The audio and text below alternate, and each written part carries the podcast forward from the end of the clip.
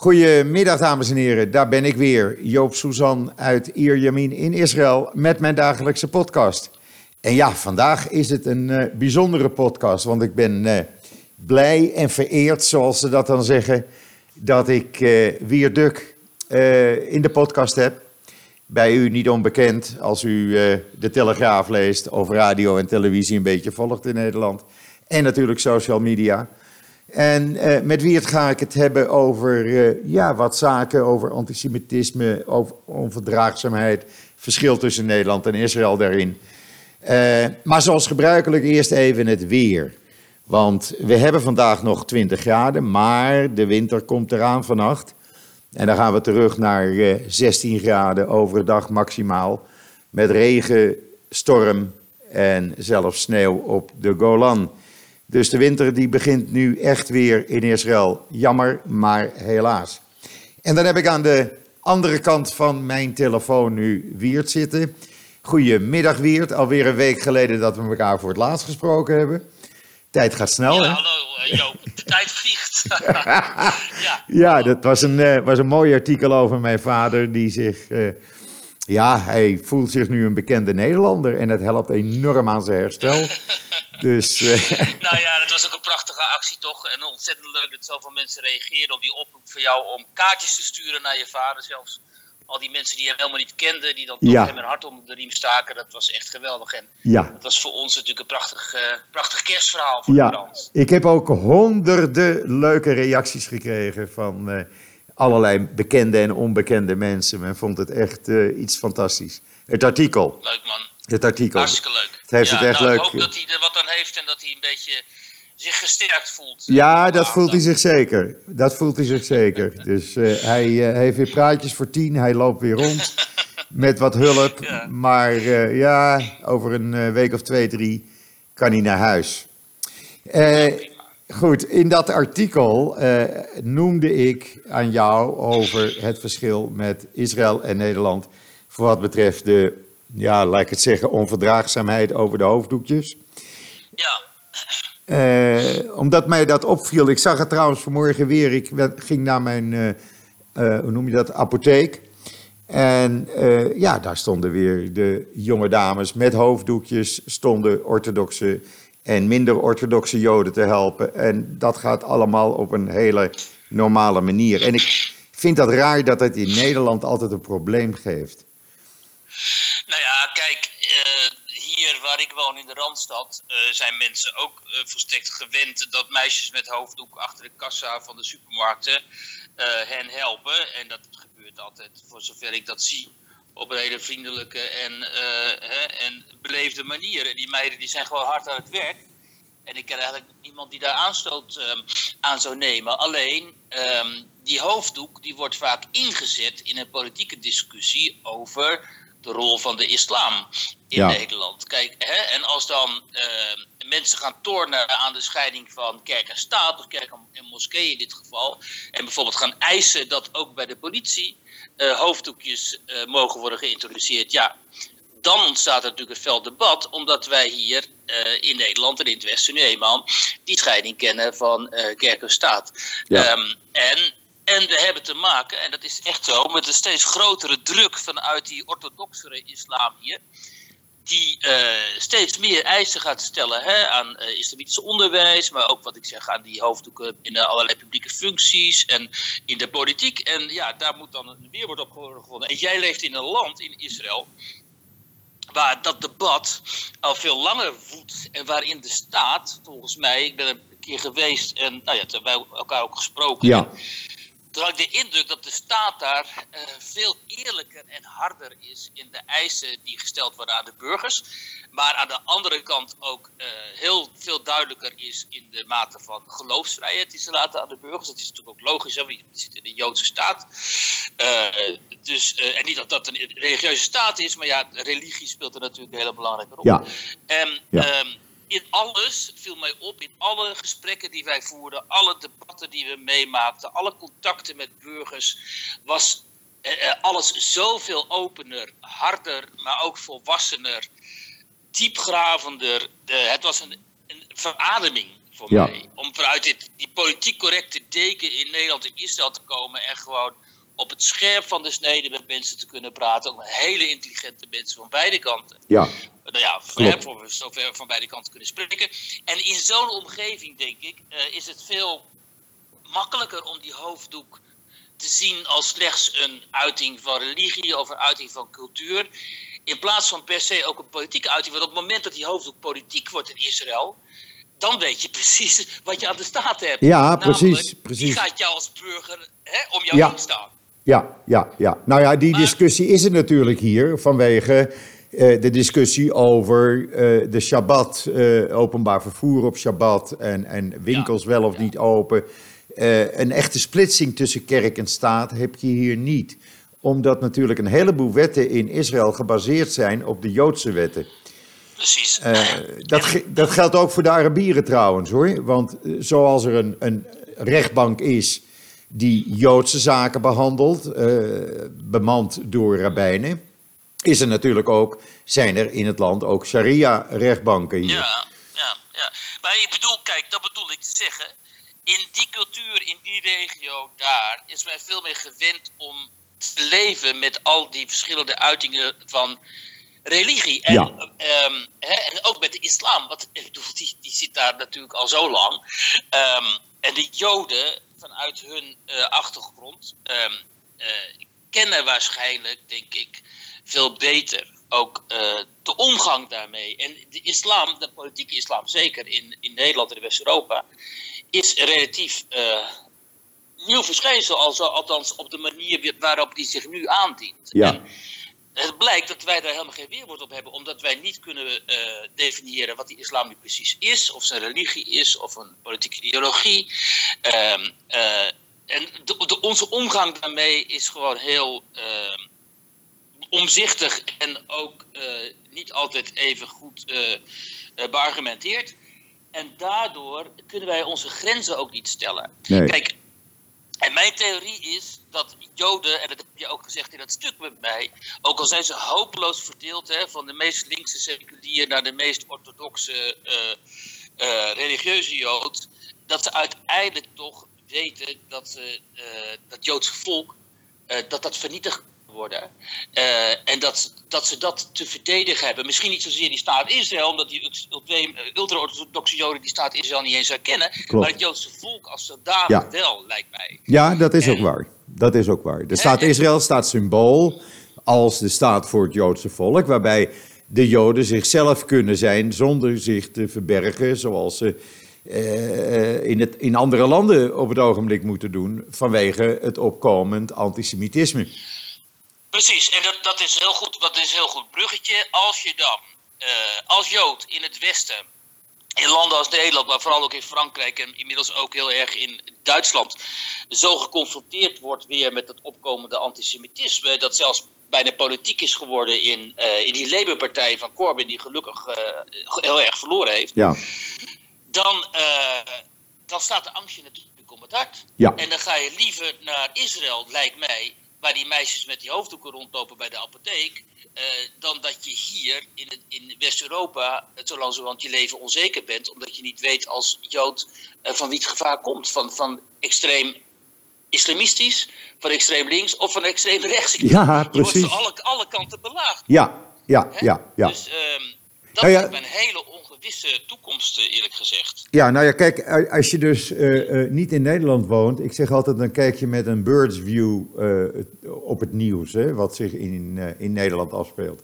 Omdat je dus er niet middenin staat, maar er eigenlijk van buitenaf opkijkt.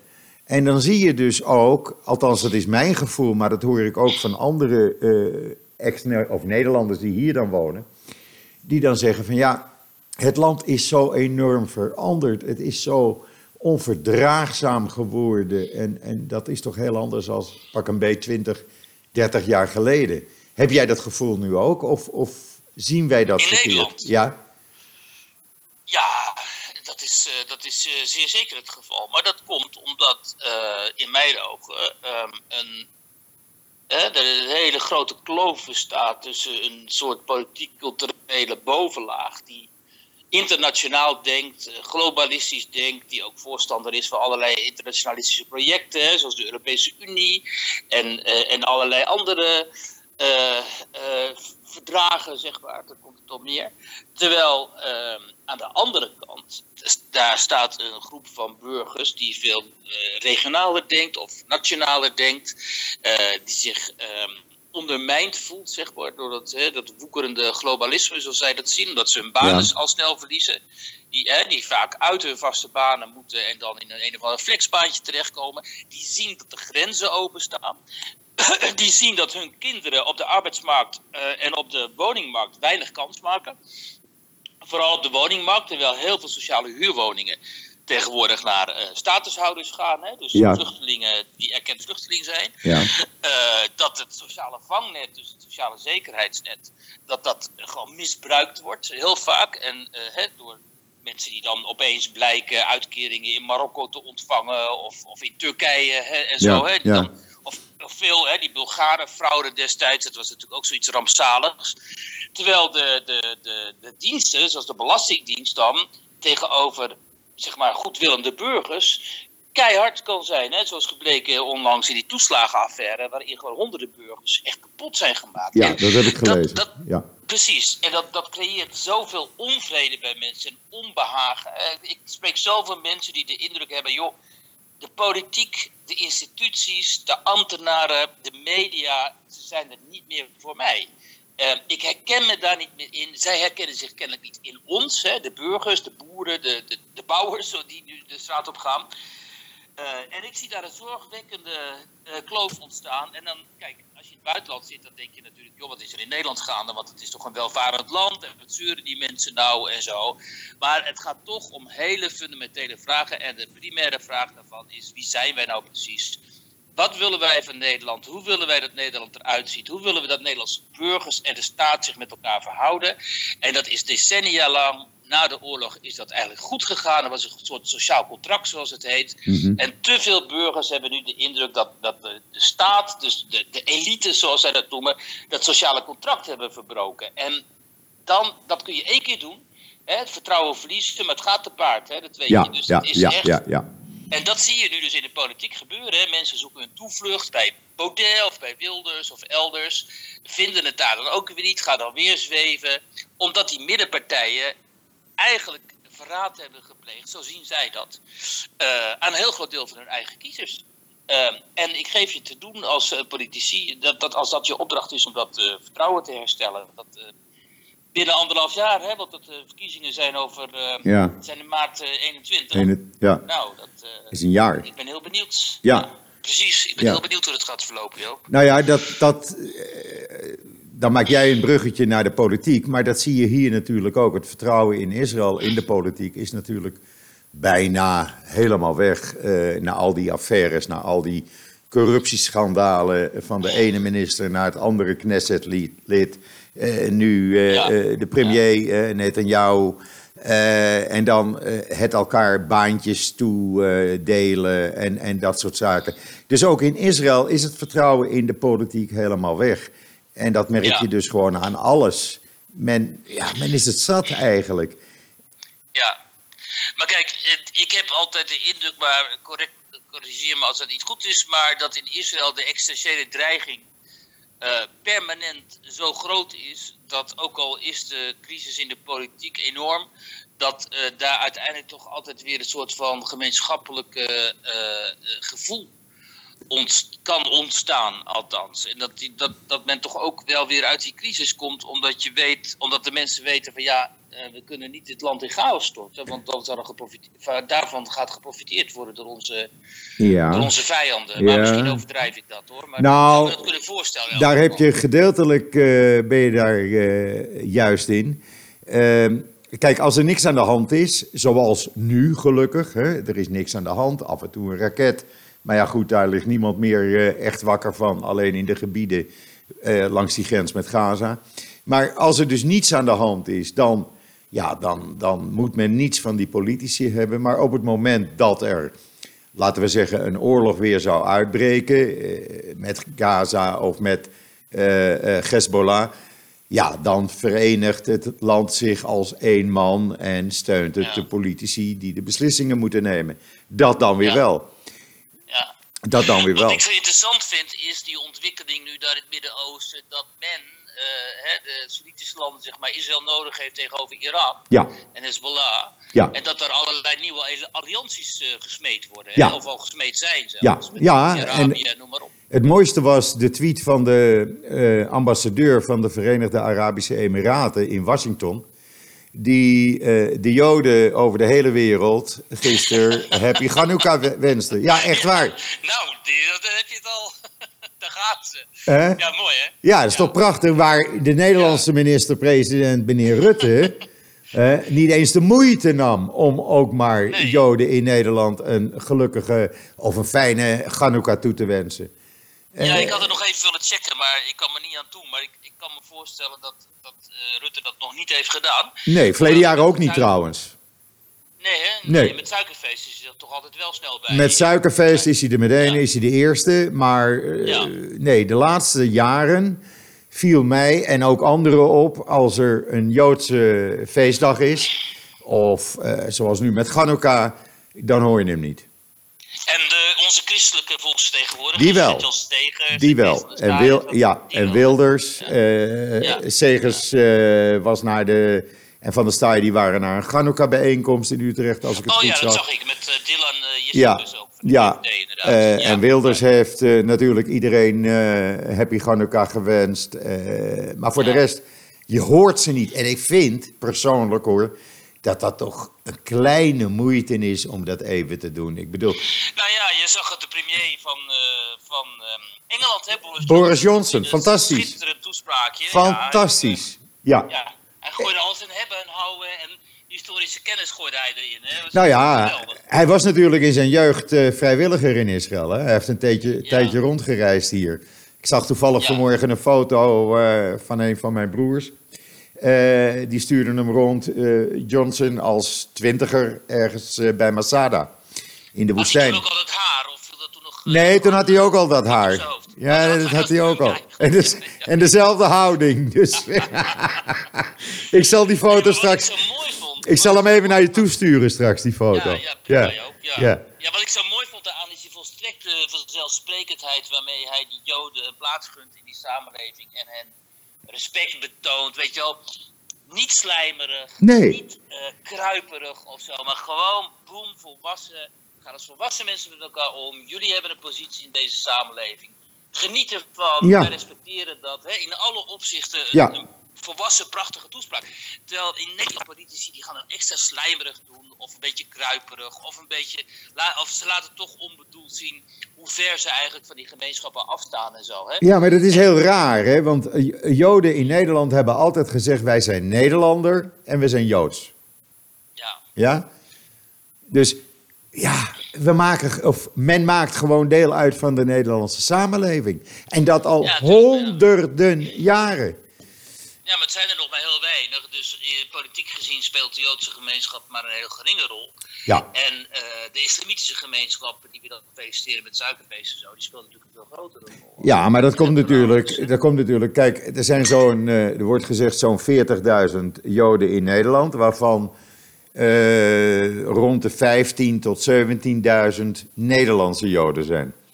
De rest zijn Amerikanen, Israëli's, Russen, eh, nou ja, noem maar op, eh, overal vandaan. Die in Nederland zijn getrouwd of werken of wat dan ook.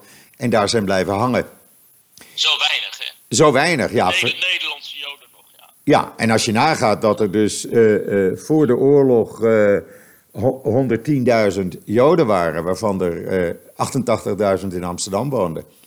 En er 102.000 Joden zijn er vermoord.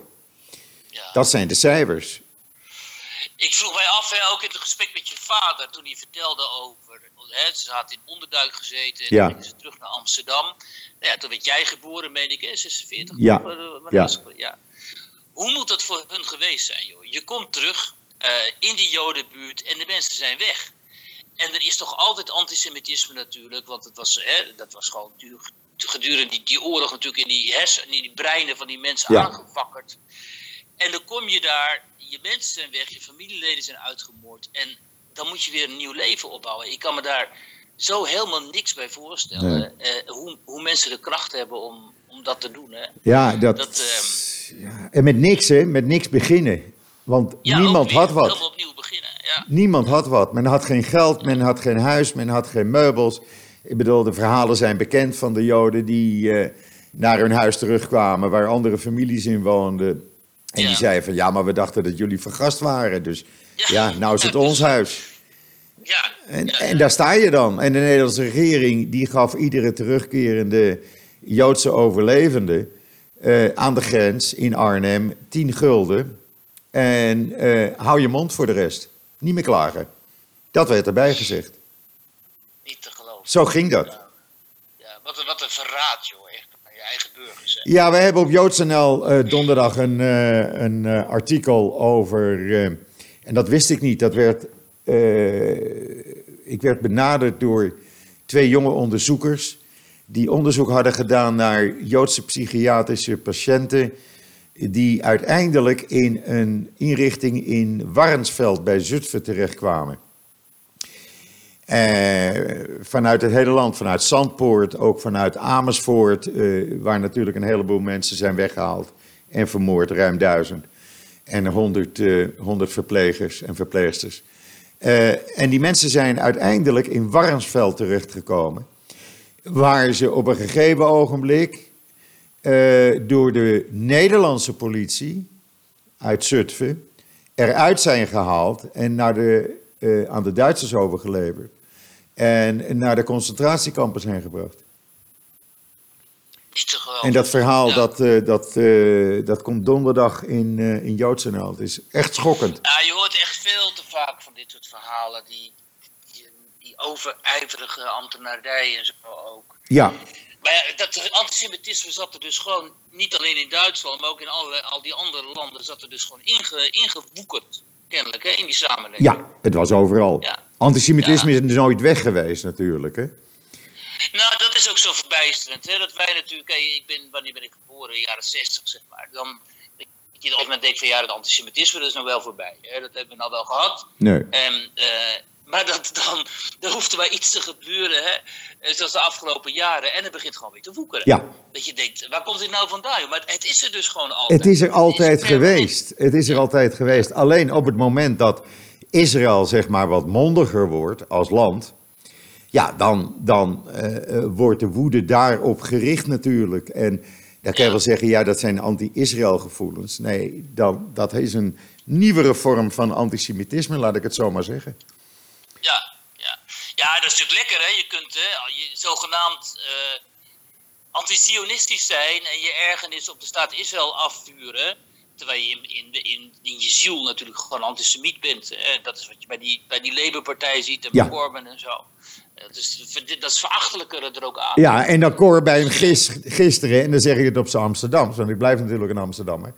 Dan zegt Corbyn gis, gisteren met de godspe om, uh, om de Joodse uh, Engelsen een happy Hanukkah te wensen. Ja, ja. Nou, dat noem, ik, nou, dat noem ik nou een godspe. Ja, dat dat is het, ongeveer de definitie van een mij. ja, maar ja, weet je, daarom lijkt het me ook zo fantastisch om Jood... Nou ja, fantastisch, maar in ieder geval een opluchting om als Jood te weten dat als het uit de klauwen loopt, dat je naar Israël kunt en dat je daar in ieder geval je beschermd weet. Ja. Um, ja. Hè, en ook weet dat je daar in je eigen, in je, in je eigen wereld, met je eigen mensen, je eigen cultuur, uh, mag, mag beleven dat je Jood bent. Ja. En dat er hier een staat is, een overheid die jou beschermt. Ja, het blijken, niet alleen, het blijken niet alleen Joden nu te zijn. Ik las, er is net uh, een bericht online verschenen, moet je maar even lezen in de Jeruzalem Post. Ik moet ja. het nog uh, even bewerken. dat de laatste jaren de, negen van de tien nieuwe immigranten in Israël niet Joods zijn. Oh, want? Nou, dat zijn mensen die uh, bewust getrouwd zijn met een Israëlische vrouw of met een, Isra ja. met een Israëlische man. Om Europa of Amerika te ontvluchten en in Israël te wonen. Het zijn natuurlijk de Russen, waarvan het merendeel niet Joods is. Maar het, blijkt ook dat het een groot gedeelte van de Franse immigranten niet Joods is. Oh, Ja, maar volgens de Joodse wet niet Joods zijn, maar wel Israëlisch, eh, eh, eh, een Israëlische ID hebben gekregen om hier te kunnen wonen.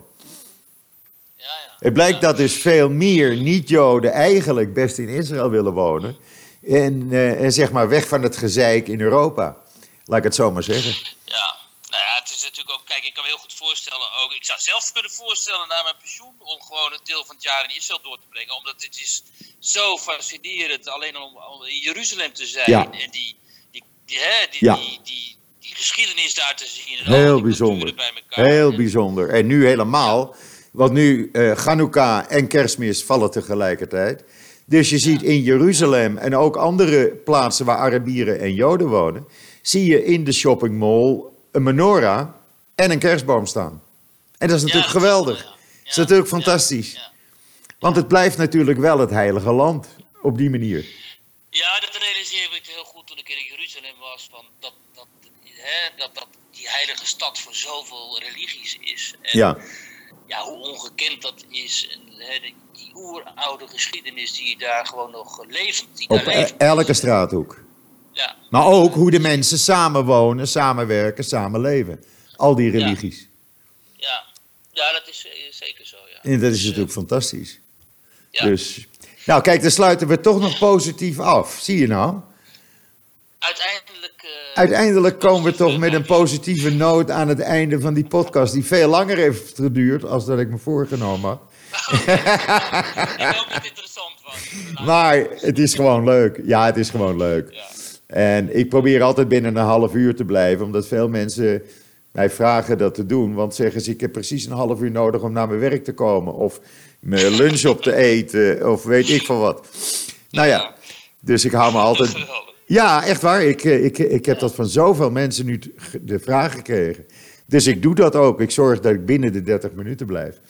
En dan eh, kunnen ze het precies tijdens hun treinreis of hun autorit eh, even beluisteren. Dus het is wel. Ja, je moet overal rekening mee houden. Dus. Nou, eh, over een tijdje dan doen we het weer, Joop. Als er wat aan de hand is of eh, aan de gang is, dan... Jawel, we blijven, wij houden toch contact. Ik bedoel, dat gaat gewoon door. En we gaan dit zeker over een tijdje opnieuw doen. Eh, er zijn er best weer nieuwe onderwerpen. Hier in Israël gebeurt er elke dag wel wat. Dus eh, er is never a dull moment. En eh, eh, na de feestdagen, dan gaat alles weer eh, zijn gangetje in de wereld. Nou, Dan wens ik jou, eh, ja, ik vond het hartstikke leuk. Ja, ja, wij hebben eh, acht dagen. En eh, ja, in Nederland maar twee dagen kerst natuurlijk. Maar toch alvast eh, hele fijne kerstdagen. Dankjewel. En vast een heel goed begin van een nieuw jaar met veel gezondheid. Dat is het belangrijkste. Goede Dankjewel. gezondheid, zeg ik altijd. Ja, voor jou en je familie ook. Doe, doe er iedereen de goed. Zal ik doen. En nogmaals bedankt. Ja, jij ook, Joop. Heel veel dank. Oké, tot ziens, Wiert. Oké, Ja, bye. Dat was dan, eh, sorry, het interview met Wiert. Ik hoop dat u het leuk gevonden heeft. Eh, ik wel, in ieder geval. Altijd interessant om met Wiert een discussie eh, te houden, een gesprek te houden. En u heeft vanzelf gemerkt, we gingen van het ene op het andere onderwerp. Dat brengt mij ook tot het einde van deze podcast, want ik zit al bijna aan mijn half uur. Rest mij u nog een hele fijne voortzetting van deze eh, dinsdag, eh, maandag de 23 december toe te wensen. En wat mij betreft zeg ik zoals iedere dag, tot ziens, tot morgen.